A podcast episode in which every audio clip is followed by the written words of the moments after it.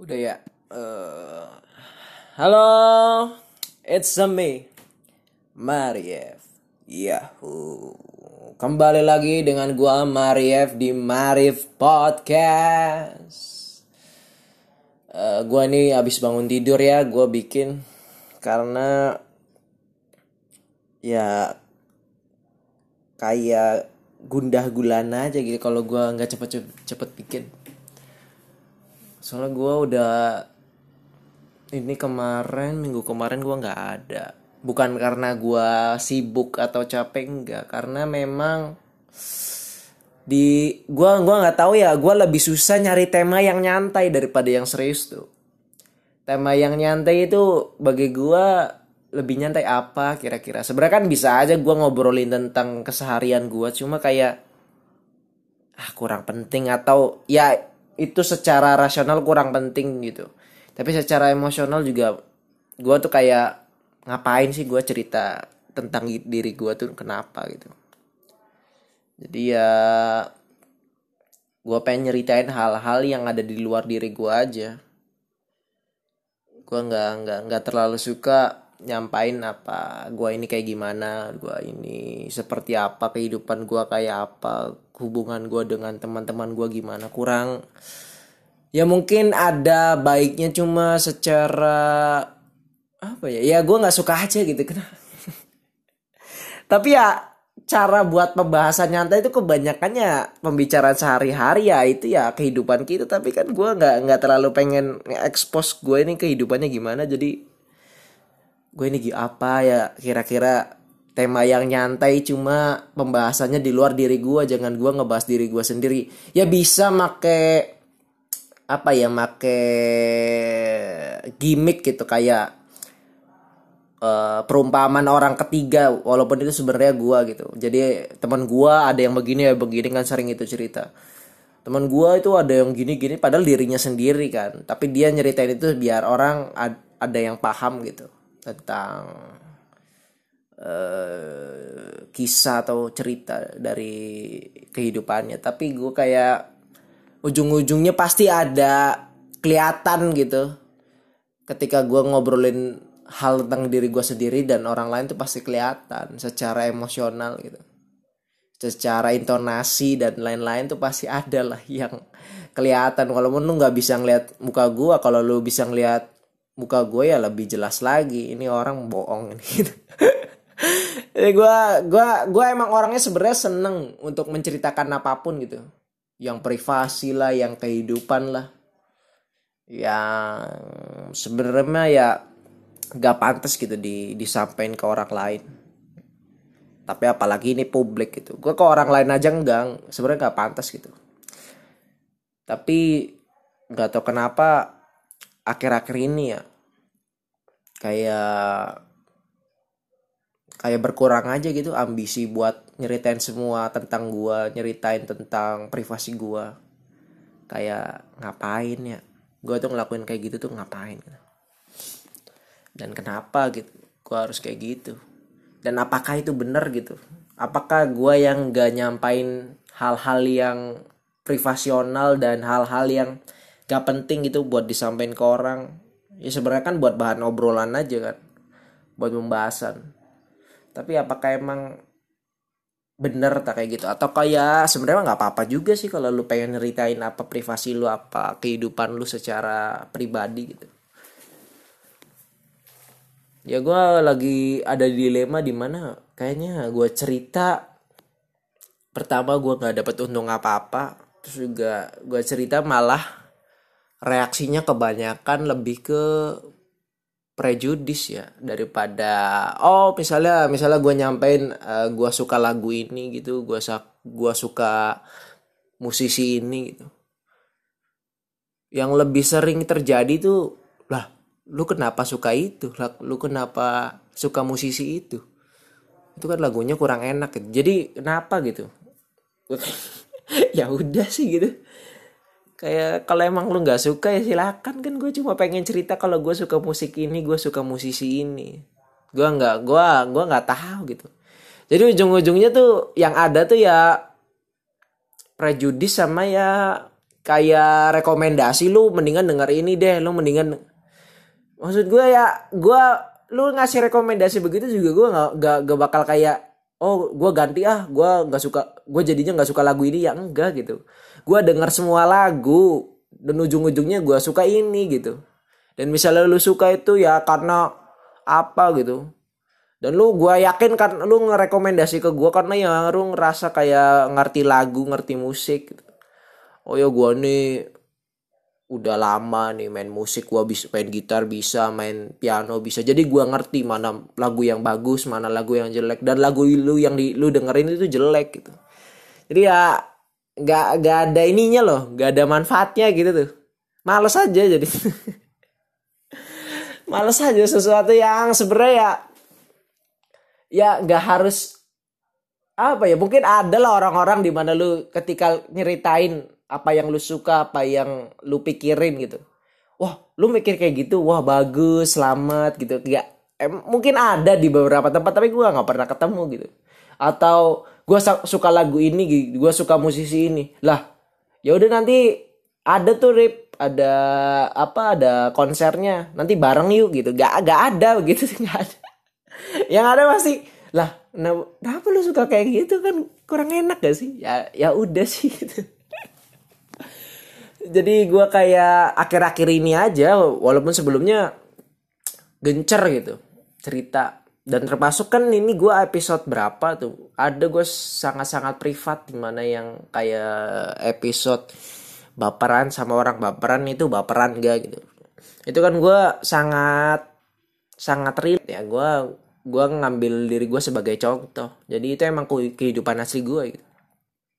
Jadi ya sebenarnya gue seneng nyeritain gue ini seperti apa kehidupan gue seperti apa ke orang lain atau ke publik gitu. Tapi akhir-akhir ini aja kayak kenapa ya? Lebih lebih jaga-jaga aja lah. Gue nggak tahu bahasanya apa kayak ya ambisi itu udah udah rada reda aja. Soalnya banyak hal yang yang apa ya? Secara implikasi itu gak nggak gue duga gitu ternyata efeknya itu bisa gede juga misalnya lu ngasih tahu apa yang lu suka apa preferensi lu apa yang privasi lu gitu. Efeknya mungkin memang jadi pembahasan obrolan. Tapi setelah itu mungkin kalau ada orang lain yang denger gitu. Dan dia menggunakan itu untuk apa? Ya gue ini juga jadinya kayak nyeritain masalah. Ya enggak lah gitu. Jadi ternyata hal yang sebenarnya gue cuma pengen cerita nyantai-nyantai tapi dijadiin sebuah sebuah apa ya? Sebuah mungkin dia apa ya? Mungkin orang nggak sadar kalau itu tuh hal yang hal yang menyinggung atau secara jelas gue nggak kalau gue emang dasarnya bercandaan gue paham dia tahu nih gue ceritain diri gue seperti ini dan gue ceritain gue ini jeleknya A B C D gitu. Dan misalnya dia ngejelekin kejelekan gue kejelekan gue dengan bercanda nggak masalah. It's okay gitu. Jadi lu mengimbres kejelekan gue gitu. Ketawain bareng-bareng. Coba kalau emang pengennya ngejudge prejudice egosentris ya gue jadinya aduh ken kenapa gue cerita? gitu ya. Ada ada penyesalan di situ. Ya tapi ya people change gitu. Dan ini tema kita hari ini people change. People change itu bener gak sih people change? Jadi gue pengen nyari uh, secara garis besar itu people tuh bisa change gak gitu? Can people change? Itu bisa dilakukan gak sih perubahan itu emang orang tuh bisa berubah pertama. Terus emang berubah itu pasti baik gitu. Emang terus juga misalnya emang kita harus berubah gitu. Kenapa sih kita harus berubah? Terus kenapa misalnya emang orang berubah? Emang kenapa orang bisa berubah gitu? Jadi uh, variabel-variabel ini mungkin bisa jadi sebuah uh, apa ya gue bilangnya mungkin bisa jadi sebuah gambaran kalau orang berubah itu sebenarnya bukan sesuatu yang spesial bisa begitu bisa. Atau orang berubah itu bukan sesuatu yang patut dibanggakan gitu bisa.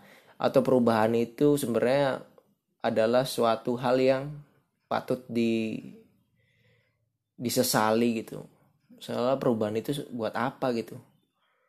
Karena gue sering denger kayak orang-orang yang introvert gitu mereka kayak gue nggak nyaman dengan keintrovert ke, keintrovertan gue gitu. Gue pengen jadi orang yang riang terus juga humble terus juga socially atraktif gitu.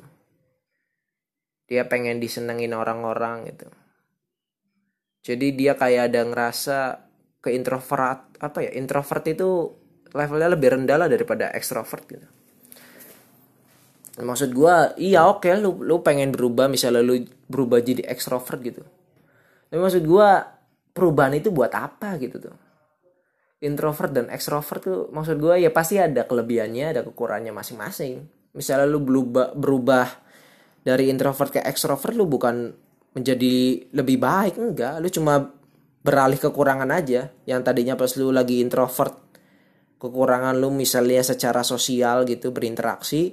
Pas lagi lu ekstrovert mungkin kekurangan lu secara uh, kognisi mungkin. Kalau dalam menentukan sesuatu lu lebih emosional gitu. Tapi ya maksud gue juga emang bisa gitu orang dari introvert ke ekstrovert gitu. Seenak itu ya gue juga nggak bisa bilang nggak mungkin atau nggak masalah. Pasti ada. Kalau emang misalnya secara lingkungan emang memaksa dia jadi orang yang ekstrovert atau introvert. Tapi kan maksud gue itu kan pasti bakat introvertnya ada gitu tuh. Dan suatu hari misalnya dia keluar dari lingkungan itu dia pasti akan akan muncul bakat introvert tersebut. Ya ujung-ujungnya dia jadi introvert. Menurut gue itu mah bakat ya walaupun ini introvert ekstrovert juga ini kan secara psikologi gitu. Mungkin kalau ada ilmu lain nanti ada yang lebih bagus atau ya ya gue karena gue nggak gue bukan orang yang seneng baca ya. Gue bukan orang yang seneng apa ya seneng belajar dari orang lain itu enggak. Kalau lu ibaratin ini walaupun norak ya gue tuh berusaha misalnya gue ngebayangin kayak cara mendapatkan ilmu itu kayak kalau lu mau mau apa ya menyampaikan ilmu tuh entah lu jadi matahari atau jadi bulan gitu. Kalau lu jadi matahari ya lu men apa ya lu membuat cahaya lu sendiri dan lu menyebarkan gitu. Tapi kalau lu jadi bulan ya lu harus nyerap cahaya matahari dan lu menyebarkan ya sebenarnya kan sama-sama penting. Cuma kan walaupun kayak gini kan gue berbahayanya apa? Kalau gue ilmu ini gue nggak dapetin dari mana-mana gue cuma beropini. Ya terus dasarnya filsafat gitu bukan ilmiah. Dasarnya filosofi. Gue ya logika aja. Jadi kemungkinan salahnya ya lebih besar daripada mungkin lu yang seneng literasi senang mencari suatu fakta baru enggak. Gua gua baca suka cuma bacanya baca komik nonton anime gitu-gitu. Jadi nggak ada ketertarikan intensif gua baca buku-buku yang berat. Termasuk filsafat juga gue cuma baca dasarnya aja pengantarnya. Gue dapat rekomendasi kan kata Rocky Gerung tuh. Kalau mau reko apa ya kalau mau belajar filsafat kita baca sejarah filsafat barat. History of Western Philosophy gitu. Karyanya Bertrand Russell. Ya gue beli 100 ribu lebih gitu. Gue baca seribu halaman. Ya adalah masuk paradigma filsafat itu kayak gimana. Jadi gue nggak gua nggak bukan fokus gue bukan ke arah Eh, pencarian fakta. Nggak jadi emang emang kapasitas gue emang filsafat aja gitu. Gue nggak berkapasitas buat jadi orang yang uh, berdasar uh, faktual gitu nggak.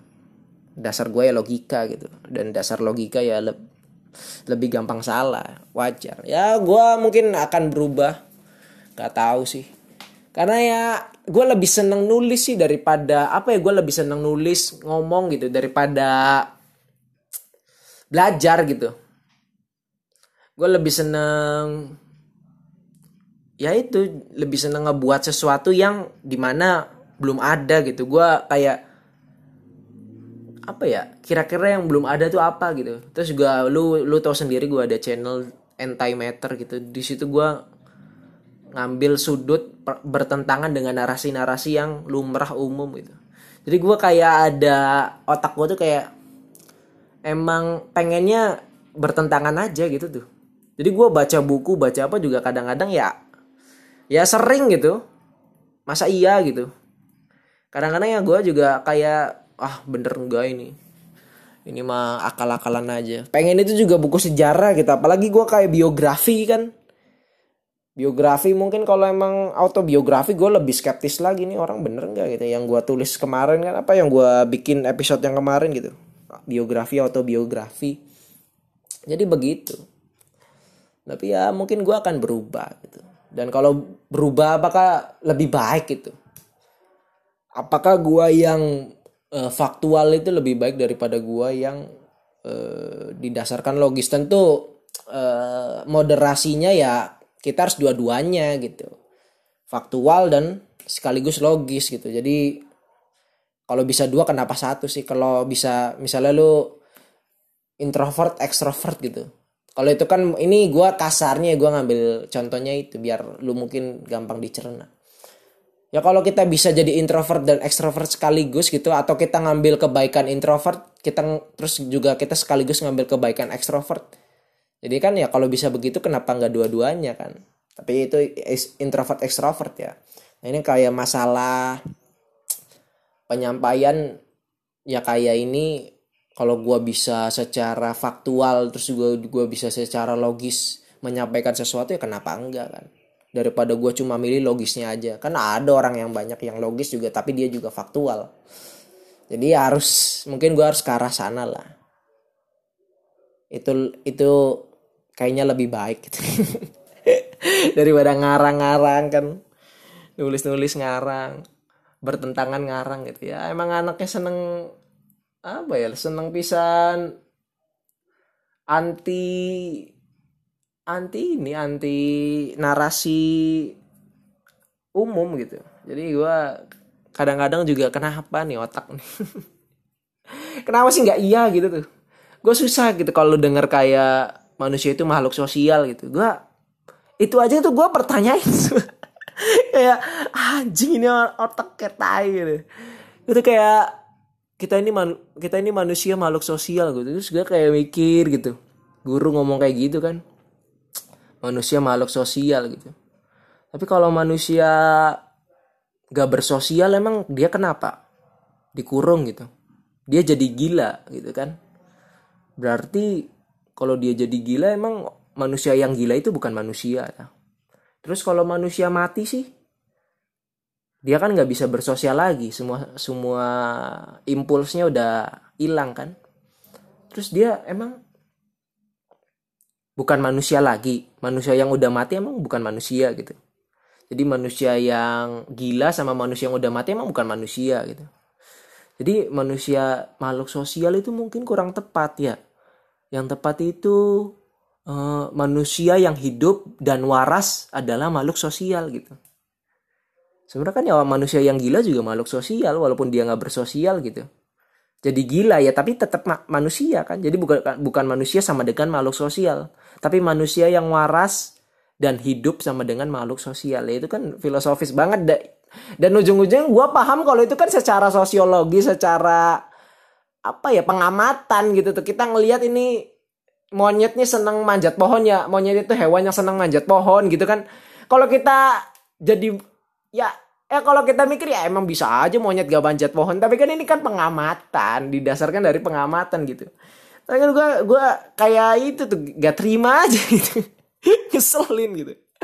Dan gue tahu ini nggak penting gue nih. Ngapain gitu? Narasi-narasi yang emang udah umum gitu sering gitu gue kayak gitu tuh. Tapi ya sekarang udah rada bisa ngimbangin lah. Gue berbicara ini sebagai apa ya berbicara tuh nggak nggak terlalu biar nggak terlalu filosofis lah. Kalau terlalu filosofis lu nya bingung gue juga bingung dan ujung-ujungnya gue banyak yang nyesel gue kayak gue hal-hal yang ilmiah tuh gue filosofiskan gitu maksudnya kayak tai gitu. Ini udah jelas ilmiah gitu tuh.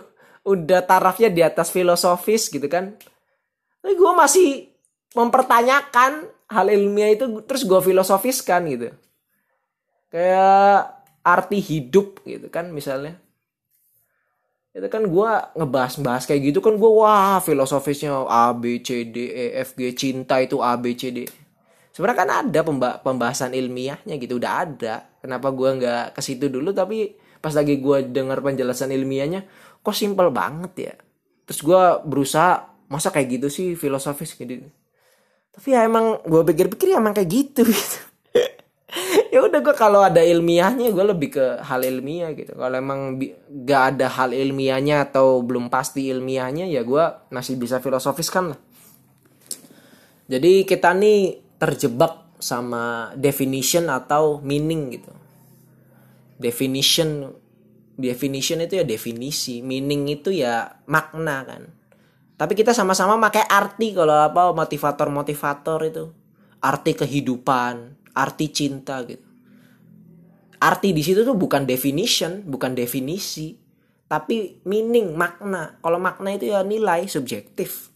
Jadi makanya bisa meluat bisa A bisa si motivator ini ngomong cinta itu A ini B ini C karena ya itu tuh bukan arti apa ya, bukan definisi cinta, cuma makna cinta. Tapi kita sama-sama pakai art, pakai kata arti sebagai apa ya, sebagai narasi gitu. Arti kehidupan, arti cinta.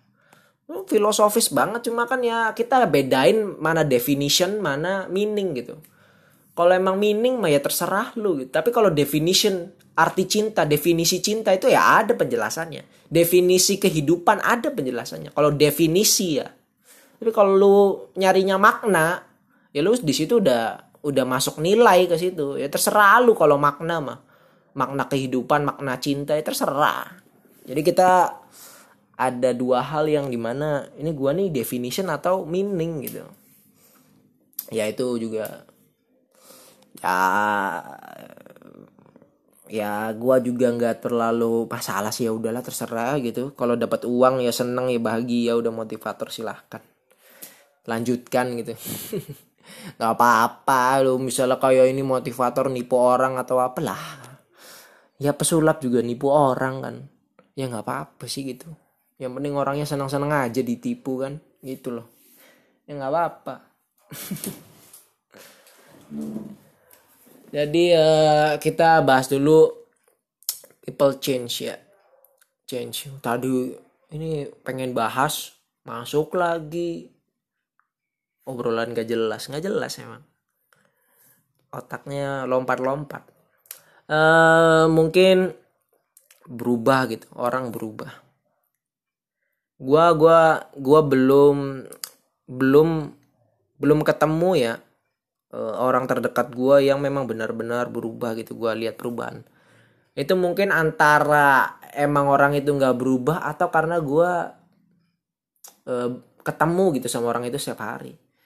Karena bagi gue perubahan itu nggak bisa lu sadari kalau lu melihat itu setiap hari atau merasakan itu setiap hari gitu. Mungkin lu yang uh, lu kalau lu lihat diri lu ya diri lu sendiri gitu. Lu nggak sadar sebenarnya kayak lu udah gede gitu. Tapi mungkin ada bibi lu ada kakek lu atau yang yang jarang ketemu gitu. Ketemu mungkin 4 tahun sekali. Tapi pas lagi lihat lu loh lu berubah banget sih gitu. Sebenarnya kan apa sih yang berubah? Lu juga bingung kan? Gue perasaan gini-gini aja gitu. Jadi kalau kita nggak ngerasain tahapan karena perubahan itu kan bertahap gitu sedikit-sedikit bukan kita misalnya dari A langsung ke minus A gitu kan enggak gitu. Perubahan itu ya dari A terus juga A plus 1 A plus 2 A plus 3 dikit-dikit tapi pas lagi orang lihat lu A dan lu nggak lu nggak ketemu sama dia lima tahun enam tahun yang dia di mana udah B gitu. Yang rasanya kayak lu berubah banget gitu. Dan diri lu sendiri yang ngerasain yang ngerasain proses itu yang nggak nyadar lu berubah tuh kayak lu yang lihat foto apa ya kalau lu ngelihat foto masa kecil lu gitu lu juga kayak ini kok gue beda banget ya? Kenapa ya? Gue kok sama gue pas lagi masih balita gitu kok gue beda banget sih mukanya posturnya? Tapi kalau lu jejerin tuh foto lu dari bayi foto lu dari balita semua lu jejerin tuh setiap tahun tuh. Lu pasti ada di situ ada pola di situ. Jadi lu ngelihat oh gue kayak gini ya wajar gitu tuh. Emang terbentuknya emang wajar buat jadi seperti ini. Jadi lu nggak kaget karena lu ngelihat proses itu secara bertahap bukan secara loncat gitu. Kalau bandinginnya kayak misalnya ada gunung ya tapi bentuknya bukan segitiga. Bentuknya ya bentuknya segitiga tapi uh, sisi yang dasarnya itu lu bak lu puter ke kanan gitu. Jadi gunungnya miring sebelah kirinya miring tapi sebelah kanannya datar gitu. Kalau lu kalau lu proses lu berubah itu dari apa dari bawah terus langsung loncat ke puncak ya iya lu nggak bakal apa ya lu bakal kaget gitu bakal terkejut. Tapi ketika lu prosesnya lu naik satu persatu gitu anak tangga atau bebatuan gunung tanah gunung ya itu lu nyadar oh ya gua wajar gua jadi kayak gini nih jadi ada ada perspektif yang mungkin di mana perubahan itu sebenarnya kan emang gue kayaknya emang emang emang emang emang di apa ya bahasa kasarnya apa ya? Emang ditakdirkan jadi seperti ini gitu. Itu itu itu spekulasi gue ya. Kadang-kadang ya mungkin perubahan itu gak patut lu banggakan atau bukan sesuatu yang spesial gitu. Ya mungkin lu ngerasa kayak ini gue tuh ada usaha gue di sini dalam perubahan gitu. Kalau gue nggak melakukan A gue tuh nggak bakal berubah. Ini karena emang karena kemauan gue buat berubah jadi gue berubah gitu. Tapi apa iya gitu? Emang iya kan Buk atau emang lu emang emang pantas jadi orang kayak gitu aja gitu ya gue dulu gini gini gini gini terus gue ketemu ini jadi gue lebih. Tapi bukannya ah masa sih? Gue yakin mungkin lu kalau lu apa ya emang secara otak lo emang di diarahin buat jadi seperti itu bertahap gitu. Tapi kan kita yang kesadaran kita mikir ya itu adalah kehebatan kita gitu kita berubah. Tapi apa iya kan emang kita sehebat apa ya? Maksud gue kita lu bisa nggak sih ngelakuin sesuatu yang nggak yang belum lu tahu gitu? Misalnya lu nggak nggak tahu makan gitu lu nggak tahu tidur ya. Terus lu lakuin itu. Ya kan nggak bisa kan? Karena lu nggak tahu gimana caranya makan gimana caranya tidur. Tapi ketika lu tahu itu lu bisa makan lu bisa tidur kan? Jadi ketika lu dapat suatu masalah terus lu Eh, mengeluarkan suatu kesimpulan atau solusi. Itu semuanya karena ya ada di memori lu gitu. Lu tahu caranya gitu. Tapi kalau lu nggak tahu caranya ya masalah itu ya ujung-ujungnya lu jadi kacau juga. Jadi karena ada konsep itu di kepala lu gitu. Misalnya kayak apa ya lihat lihatlah kebaikannya kan misalnya lu kena masalah gitu tentang hal apa ya tentang kepercayaan tentang persahabatan. Tapi ya kalau lu nggak pernah denger narasi lihatlah kebaikannya keputusan lu gue yakin bukan lihatlah kebaikannya. Keputusan lu pasti hal yang lain. Tapi karena lu di otak lu di memori lu ada keputusan lihatlah kebaikannya. Jadi lu otak lu secara langsung ya ngeluarin lihatlah kebaikannya sebagai keputusan lu secara rasional gitu. Karena lu ada konsep itu ada di otak lu gitu. Jadi perubahan itu maksud gue emang absolut absolut ya. Maksud gue tuh kayak orang kalau mau ya tinggal berubah gitu. Tapi masa orang bisa sih melakukan sesuatu yang nggak dia tahu gitu? Oke berubah tapi kalau dia nggak tahu apa ya apa yang dilakuin apa gitu? Misalnya kayak lu pengen jadi milioner gitu tiba-tiba dari miskin. Ya lu misalnya jadi milioner menurut gue bukan karena kemauan lu emang di otak lu emang ada konsep-konsep di mana yang mendukung lu menjadi milioner gitu. Lu emang emang kompa, otak lu kompatibel buat jadi milioner. Memori lu mendukung lu jadi milioner gitu. Memori di otak lu tuh. Ya tentu itu bisa diambil dari proses belajar proses apa ya uh, ya belajar itu bisa dari proses belajar terus juga diskusi kan. Jadi lu punya jadi ada usaha di situ. Tapi kan kalau kita mau reduksi lagi kan kayak oke okay, lu ada usaha di situ. Tapi keputusan lu buat jadi milioner itu ya wajar nggak sih? Gitu tuh.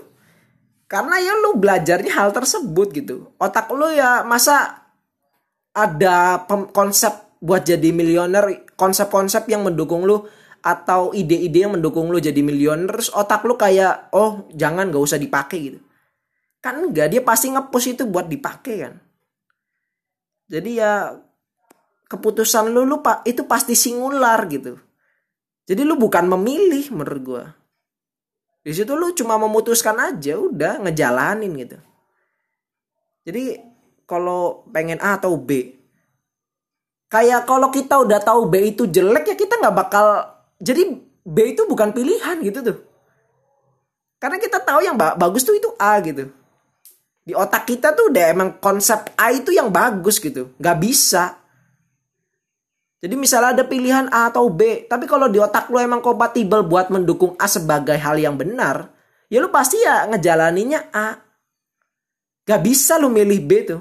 Itu bukan pilihan. Itu emang emang reaksi kita mungkin secara spontan. Ya ya kita emang mendukung hal A gitu. Karena kita otaknya kompatibel dengan hal A, memori kita mendukung hal A untuk menjadi benar, bukan B gitu. Ini ini berat ya tapi tapi gue kayak emang kita memilih ya untuk berubah tuh emang milih ya. Apakah emang kita di kebetulan aja kita apa ya? Emang ya emang kita ya kok emang harus berubah aja emang emang jalannya begitu gitu. Itu kan lu ngerasanya lu lu di situ ada kemauan lu lu memilih. Tapi apa iya memilih gitu? Kan gitu loh. Kayak misalnya kita lu denger narasi lah misalnya. Kita ini jangan dengerin narasi-narasi apa ya kita ini jangan menyebarkan narasi negatif gitu. Karena ya tidak baik bagi pemikiran apa. Ya oke cuma maksud gua kalau lu di otak lu kok ada konsep di mana narasi negatif itu negatif, lu pasti nggak mungkin narasi negatif itu mempengaruhi lu gitu tuh. Pasti lu bakal menyengkal gitu. Jadi kadang-kadang narasi negatif ya nggak apa-apa kesebar aja. Kalau ada orang yang kompatibel otaknya dengan narasi negatif akan menerima, orang yang otaknya nggak kompatibel dengan narasi negatif akan menyekal. Oh salah nih. Jadi narasi negatif itu sebenarnya ya lu ngomong itu bakal mempengaruhi orang itu bakal membuat orang pesimis gitu dan lain-lain. Tapi kalau emang otak lu itu secara konsep, secara ide itu nggak kompatibel dengan narasi negatif, lu pasti menyekal gitu. Dan orang-orang seperti lu juga pasti bakal menyekal, ini salah gitu. Tapi kalau emang ada orang yang kompatibel mungkin dengan narasi negatif, hidupnya pengen biasa-biasa aja gitu nggak pengen jadi milioner pengen apa. Ya dia kompatibel dan idenya itu memorinya mendukung dia untuk menerima narasi negatif dia terima. Bukan karena mungkin narasi negatif itu apa ya? Ya karena ya gimana? Kita nggak ada nggak ada konsep kita memilih gitu.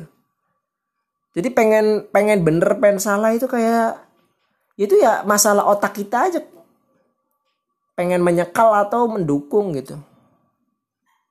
Jadi ya gue kadang-kadang mikir-mikir terus kayak kita ini kan kayak gue menyebarkan narasi negatif. Lu gak pikirin orang-orang yang punya apa punya penyakit gitu kayak punya penyakit mental punya kayak ya psikofrenia atau apa orang-orang yang hidupnya susah dia tuh optimis gitu. Dia hidup apa ya dia mencari harapan dan sedangkan lu pesimis gitu. Lu nggak mikirin orang-orang kayak gitu ta tapi gue gua yakin orang-orang yang emang dia optimis dia ngedengerin omongan gue juga disangkal gitu tuh. Gak dia terima gitu tuh. Emang dia otaknya kompatibel memorinya kompatibel buat dia jadi optimis gitu jadi kita kayak menyebarkan narasi negatif lu nggak mikirin orang-orang yang hidupnya susah atau lu nanti orang-orang yang hidupnya susah jadi malas hidup kan? Kayak orang-orang yang kenyak apa ya kena kena penyakit mental gitu. Ya maksud gue emang kalau dia udah mutusin dirinya optimis segala narasi pesimis pasti kesengkal di situ udah nggak bakal diterima gitu. Jadi ya yang gue gua menyampaikan narasi negatif yang nerima ya orang yang otaknya kompatibel dengan narasi negatif gitu tapi bagi orang-orang yang emang dia emang optimis adalah jalan hidupnya nggak bakal diterima gitu jadi ini masalah kompatibel atau enggak. Jadi mungkin kadang-kadang sebenarnya jadi ada ada hal yang mempengaruhi ada yang menentukan gitu. Eh ini bagus nih, ide bagus sih. Menentukan dan mempengaruhi yaitu. Terus kayak kenapa sih orang berubah ya? Ya kita pasti secara umum ya pasti ngerasa ada yang salah gitu atau ada yang bermasalah. Di mana kita harus ya kita harus berubah. Kalau kita nggak berubah hidup kita nggak berkualitas nggak nyaman gitu. Narasinya apa ya uh, konsepnya kan begitu gitu. Tapi gue pengen apa ya gue pengen di mana gue kayak Eh, kemauan itu juga penting gitu. Jadi gue mungkin kontradiktif ini pernyataan gue dengan pernyataan gue sebelumnya. Tapi menurut gue perubahan itu bukan masalah ber apa ya salah atau benar baik atau buruk. Cuma masalah bermasalah atau nggak bermasalah gitu. Lu mungkin tahu keburukan lu ya banyak gitu. Keburukan lu misalnya A B C D E F G H I J K L M N gitu. Lu tahu itu salah gitu itu buruk. Cuma lu nggak bermasalah dengan itu lu nggak bakal berubah kan gitu. Jadi orang berubah karena salah tuh itu menurut gua atau dia ngerasa itu nggak baik itu ya mau itu ya gombal aja gitu banyak kok diri kita pasti ada orang yang apa ya ada sisi kita pasti ada yang nggak baik gitu Gak mungkin kita bagus semua kan. Itu kan cuma itu dia cuma nyari uh, nyari ide, nyari kesimpulan kenapa dia berubah. Gitu. Sebenarnya kan karena ya dia karena nggak nyaman aja dengan kekurangan itu. Sebenarnya kalau kekurangannya dia nggak bermasalah gitu, ya udah dia nggak berubah. Walaupun dia tahu itu salah gitu. Banyak. Dari kita berapa orang sih? Kita banyak lah. Kita kekurangannya males apa goblok apa uh, susah mandi gitu. Kita tahu itu itu jelek gitu. Tapi yang kita nerima-nerima aja. Malah kita um, mungkin ada yang nyari pembelaan gitu. Kenapa gue males gitu? Nyari pembelaan lah belajar ini nggak penting. Karena sekolah ini yang dididik itu malah keluar ya intinya mah dia malas aja cuma dia nyari justifikasi kalau malasnya itu hebat gitu tuh. Malasnya itu spesial patut diapresiasi sebenarnya emang males aja gitu. Terus nyari justifikasi. Tapi ada juga orang yang tahu dia males itu salah tapi ya udah dia nggak nggak bermasalah dengan hal tersebut. Jadi lanjut aja. Jadi ini masalah bermasalah atau nggak bermasalah.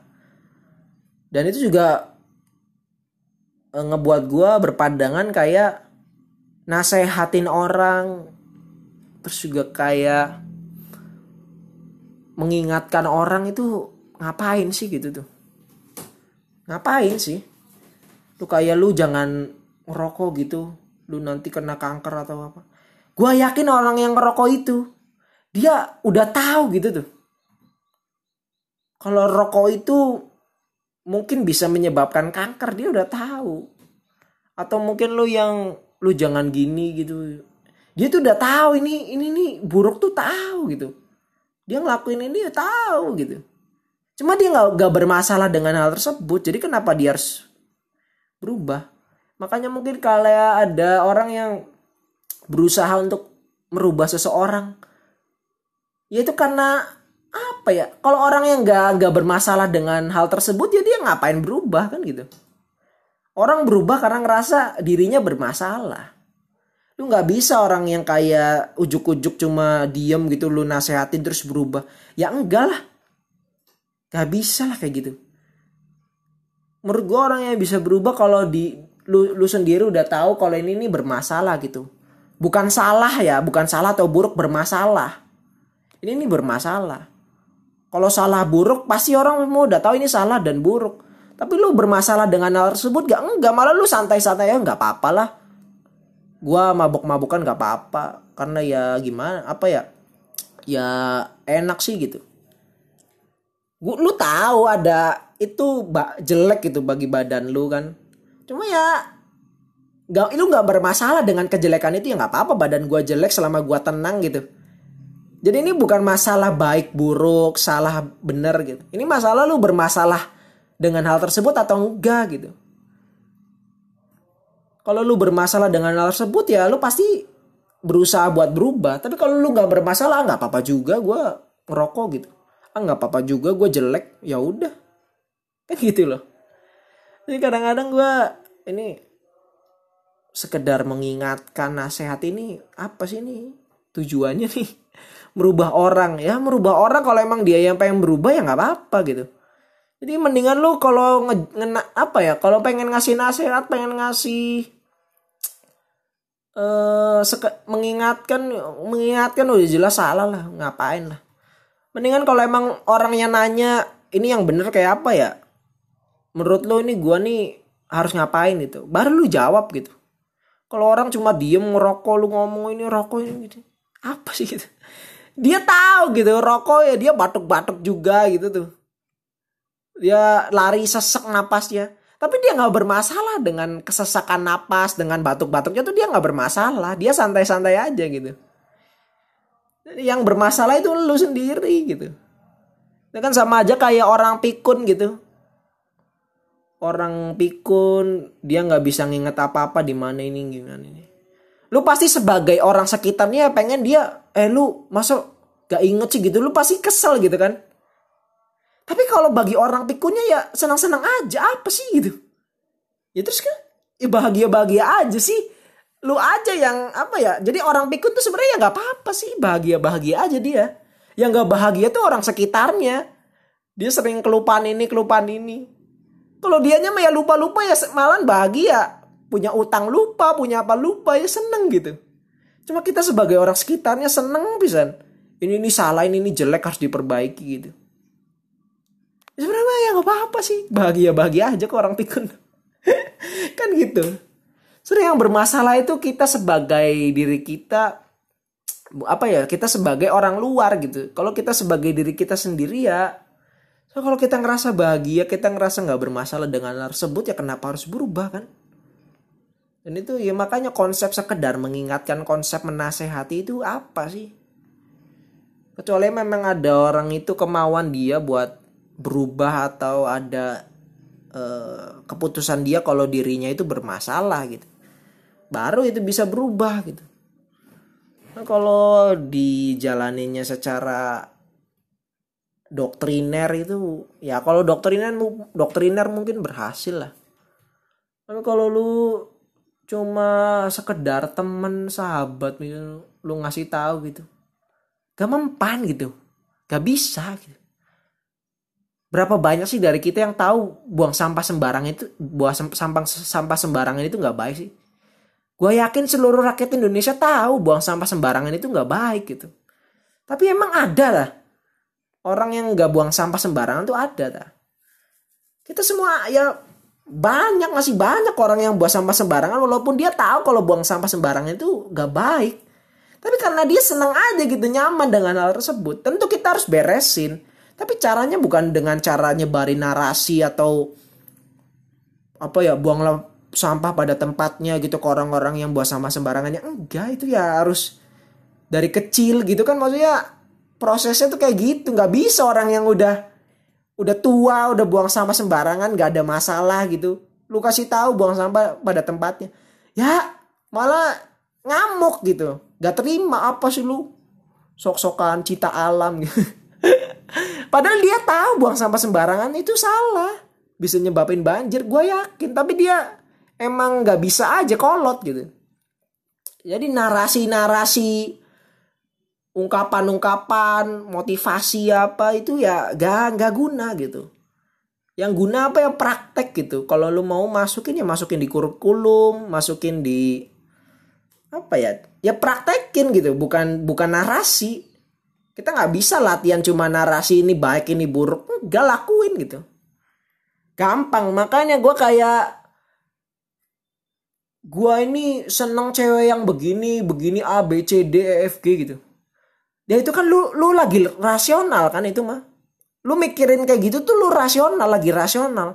Tapi pas lagi lu ketemu cewek lu jatuh cinta itu emosional. Makanya lu walaupun gak sesuai kriteria lu tetap lu embat juga kan jadi lu nggak bisa nempatin di mana lu rasional atau emosional. Gua nih gak suka cewek kayak gini gini gini. Ya iya lu gak suka karena lu lu lu lagi rasional gitu. Tapi kalau lu nanti lagi emosional ya lu embat-embat juga cewek yang kayak gitu tuh. Atau cowok yang kayak gitu tuh lu embat-embat juga kan. Jadi bedain di mana keputusan rasional lu dan keputusan emosional lu gitu bukan apa ya lu seolah-olah itu keputur, keputusan rasional lu bakal dilakuin kan enggak gitu. Tentu aja keputusan emosional lebih dominan buat ngebajak otak kita kan. Ya tentu ya pasti ada caranya buat gak dibajak. Ya latihan gitu gua gua gua nggak paham. Jadi itu loh. Jadi kita senang pisan kayak narasi ide. Ya sebenarnya masih iya sih gitu tuh. Gue juga tahu gitu misalnya kayak cara apa ya teori makan sendok gitu. Tapi kalau lu nggak tahu praktek makan sendok juga maksudnya lu nggak menurut gue lu pasti nanti makan juga nggak pakai sendok pakai tangan gitu. Lu cuma tahu teori cuma implikasinya nggak tahu kan keder juga gitu. Karena menurut gue ya nggak narasi narasi ini nih nggak nggak efektif nasihat-nasihat sekedar mengingatkan lu tuh nggak efektif gitu. Dan gue juga kadang-kadang ada keresahan lain kayak sekedar mengingatkan apa nasihat. Kayak lu tuh tahu privasi nggak sih gitu? Tahu yang mana urusan publik atau urusan privat tuh tahu nggak gitu? Terabas aja gitu. Urusan publik urusan privat. Ya tentu gue nggak nggak nyalain lu yang komen urusan privat enggak gue apa ya ya gue nyalain cuma gue juga nyalain orang yang mungkin dia juga memposting urusan privatnya gitu. Dia memposting sebenarnya itu urusan privat tapi dia posting ke publik. Terus publik yang ngomentarin ya yang salah dua-duanya. Yang memposting ngapain urusan privat kok diposting. Terus yang ngomentarin ngapain ngurusin urusan privat gitu yang salah dua-duanya yang gak cerdas tuh dua-duanya gitu. Tapi gue nanti gue bahas di kesempatan lain di episode ini. Ini sebenarnya apa nih pembahasan ini? Apa? Gak jelas ini. Arahnya ke mana banyak ke mana. Ya tapi lu udah paham lah. Ya karena gue bingung gitu pembahasan nyantai itu apa gitu. Karena susah juga. Nyantai itu gue lebih seneng apa ya bukan lebih seneng gue lebih gampang nemuin pembahasan yang serius karena impersonal gitu itu di luar kehidupan gue gitu apa ya ya impersonal lah pembahasan yang impersonal kalau gue santai itu kebanyakan personal pisan dan pasti bakal nunjukin gue ini seperti apa sih gitu. Ujung-ujungnya gitu, gue nih gue nih kayak apa sih kalau gue ngebahas hal yang personal kan. Hal yang sehari-hari nanti lu pasti ada gambaran gue nih kayak apa. Jadi bisa yang gue juga kurang mau lah ngapain lo orang kenal gue gitu. ya gue kan sebenarnya uh, ya udah tujuannya buat ngelatih ngomong tapi ya ya gue gua daftar di suatu institusi buat kuliah nggak diterima jadi ada kekecewaan cuma gue kayak itu kan maksudnya secara emosional gue yang ngerasa kecewa. Tapi ya gue coba rasional rasional. Latihan senyum gitu senyum senyum. Maksa gitu. Ya ya oke lah ya udah gitu. Gue juga sebenarnya awalnya nggak terlalu berharap jadi ya udah nggak apa-apa. Ya gitu aja mungkin gue keder soalnya. Gue ngomong pelan-pelan kayak gini bukan semangat karena gue nggak tahu nih arahnya mau ke mana gitu. Kalau gue tahu arahnya mau ke mana gue pasti ngomongnya lebih cepet. Ini gue mikir-mikir ngomong makanya hati-hati ini ke mana nih arahnya nih? Gue nih sambil mikir mikir arahnya nih ke mana nih? Karena dadakan aja nih nih. Oh ya udahlah gue bahas people change aja lah. Gak jelas gitu.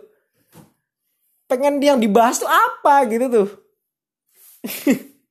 kalau pengen anti dengan people change kan ya mendingan gue bikin di antimatter cuma maksudnya antimatter kan gue udah banyak tuh list list judul lu di antimatter cuma ini Marit podcast ini nggak ada ini. Nggak ada nggak ada apa nggak ada cadangan apa nggak ada apa ya nggak ada tabungan tema gitu. Jadi ini dadakan aja gue ngomong tuh. Ini arahnya ke mana? Jadi gue tuh ngomong itu sambil mikirin eh, ini arahnya ke mana ya? Gue ngomong apa ya biar arahnya ke sini. Gitu gitu dadakan aja. Temanya nggak jelas. Ya sebenarnya ngapain sih gue ngebahas people change itu ngapain gitu? Ya udah sih gitu. Nggak ada faedahnya gitu. Setuju? Enggak enggak setuju gitu ya ya gue minta maaf kalau emang nggak jelas. Karena gue nggak enak aja. Gue ngerasa bersalah kalau nggak ngupload. Cuma kalau ngupload juga apa yang mau dibahas nih? Jadi ya udahlah gue bahas aja. Gue tuh pengennya kayak baca bacain komen gitu tadinya tuh. Tapi kan gak ada komen gak ada yang denger. Jadi ya udah gue bikin aja. Kalau kita bacain komen kan ya udah bacain komen bisa dapat 3 menit 4 menit terus gua jawab komennya terus ya udah bisa 5 menit gitu. Jadi temanya tuh dari peno dari pendengar gitu tuh. Biar gua nggak nggak kesusahan buat ngomong. Jadi gue cuma cuma menyampaikan apa yang pendengar mau dengar aja gitu. Tadinya pengennya niatnya gitu mungkin ada yang komennya ada nggak sih yang komen gitu. Gue juga nggak tahu ini kalau ada yang komen tuh masuknya ke mana sih Gmail tak apa gue nggak nggak paham nih soalnya gue nggak ngeliat ada daftar komentar di akun gue ya. Nggak tahu kalau gue ke podcast orang mah gue di Spotify gitu gue bisa komen. Cuma ini kan gue punya gue nih akun podcastnya tuh. Gue pengen lihat komen itu di mana tuh nggak tahu. Jadi ya udah gue pembahasannya ya bertema gitu. Gue pengen kanan kiri oke cuma ya belum ada yang dengar jadi kalau gue pengen random pembahasannya bahas ini juga bahas ini juga malah jadinya lama gitu lebih dari sejam. Jadi ya tadinya niatnya mah pengen apa uh, viewer center gitu. Gue fokusnya sama pendengar gue bukan viewer ya listener. Jadi apa yang lu mau denger ya gue bakal bikin. Tadinya maunya gitu biar santai gitu. Karena nggak ada yang komen nggak ada yang apa ya udahlah. Cuma kalau di anti meter kan emang itu idealisme gue di situ gue megang nilai di situ. Kalau di sini mah gue enggak enggak enggak enggak apa ya enggak ada tujuan mulia orang bakal berubah orang bakal menerima enggak. Gue nggak ada tujuan mulia seperti itu ya. Tapi ya tujuan asli gue semuanya di antimeter atau di Marif Podcast itu ya belajar ngomong gitu. Tapi kalau di antimeter gue ada tujuan mulia lah. Ya itu tujuan mulianya dibuatnya akhir-akhir lah biar keren aja gitu. Biar ada idealismenya gitu tujuan mulia kayak ngasih al, apa ya ngasih narasi alternatif gitu. Kalau di sini mah ya enggak lah ini mah cerita aja gitu. Gak usah gak usah keren gak usah apa jadi ya udah. Nyantai jadi pengen lu misalnya gue makanya bahas apa ya bahas yang santai itu apa ya? Bahas orang gue tadinya banyak kan kayak orang sakit perut atau apa gitu temen yang suka bohong gitu. Tapi ya maksud gue ini bisa nggak gue ngomong kayak gi orang yang suka bohong 30 menit temen yang suka bohong gitu. Kira-kira bisa nggak sih gue kayak rada ragu-ragu tuh? Kayak ada kan gue episode awal-awal cuma 20 menit karena itu emang bukan pembahasan buat di atas 30 menit gitu. Jadi seharusnya nggak dibahas gitu. Itu pembahasan yang singkat gitu. Kita pengen ngebahasnya gimana sih jadi gue nyari pembahasan yang kira-kira bisa dibahas 30 menit dan susah gitu. Nyari pembahasan non apa ya impersonal tapi di atas 30 menit itu susah. Kalau yang apa yang personal tapi kalau impersonal itu banyak lah. Apalagi gue juga tadinya pengen apa ya gue tadi nggak nggak ngeliat segmen berita yang nggak nggak buat segmen berita lupa dan gue juga nggak baca berita. Ya ada sih ya terorisme ini radikalisme lah. Ya kita tunggu aja lah keputusan polisi apa. Oh ya tadi juga gue belum ngomong gue ini eh, rekaman tanggal 2 April 2021 hari Jumat. Jam ini udah 55 menit berarti gue ngerekam itu dari jam 2 siang ya gue ngerekam dari jam 2 seki siang ini udah jam 2 lebih 51 menit. Ya ini udah 55 menit gue udah ngomong nih gak jelas. Udah pengen habis waktunya udah merah nih pemberitahuan. Yaudah sekian dari gue gue Marif dari Marif Podcast. Lu tunggu aja gue di episode-episode berikutnya. Dadah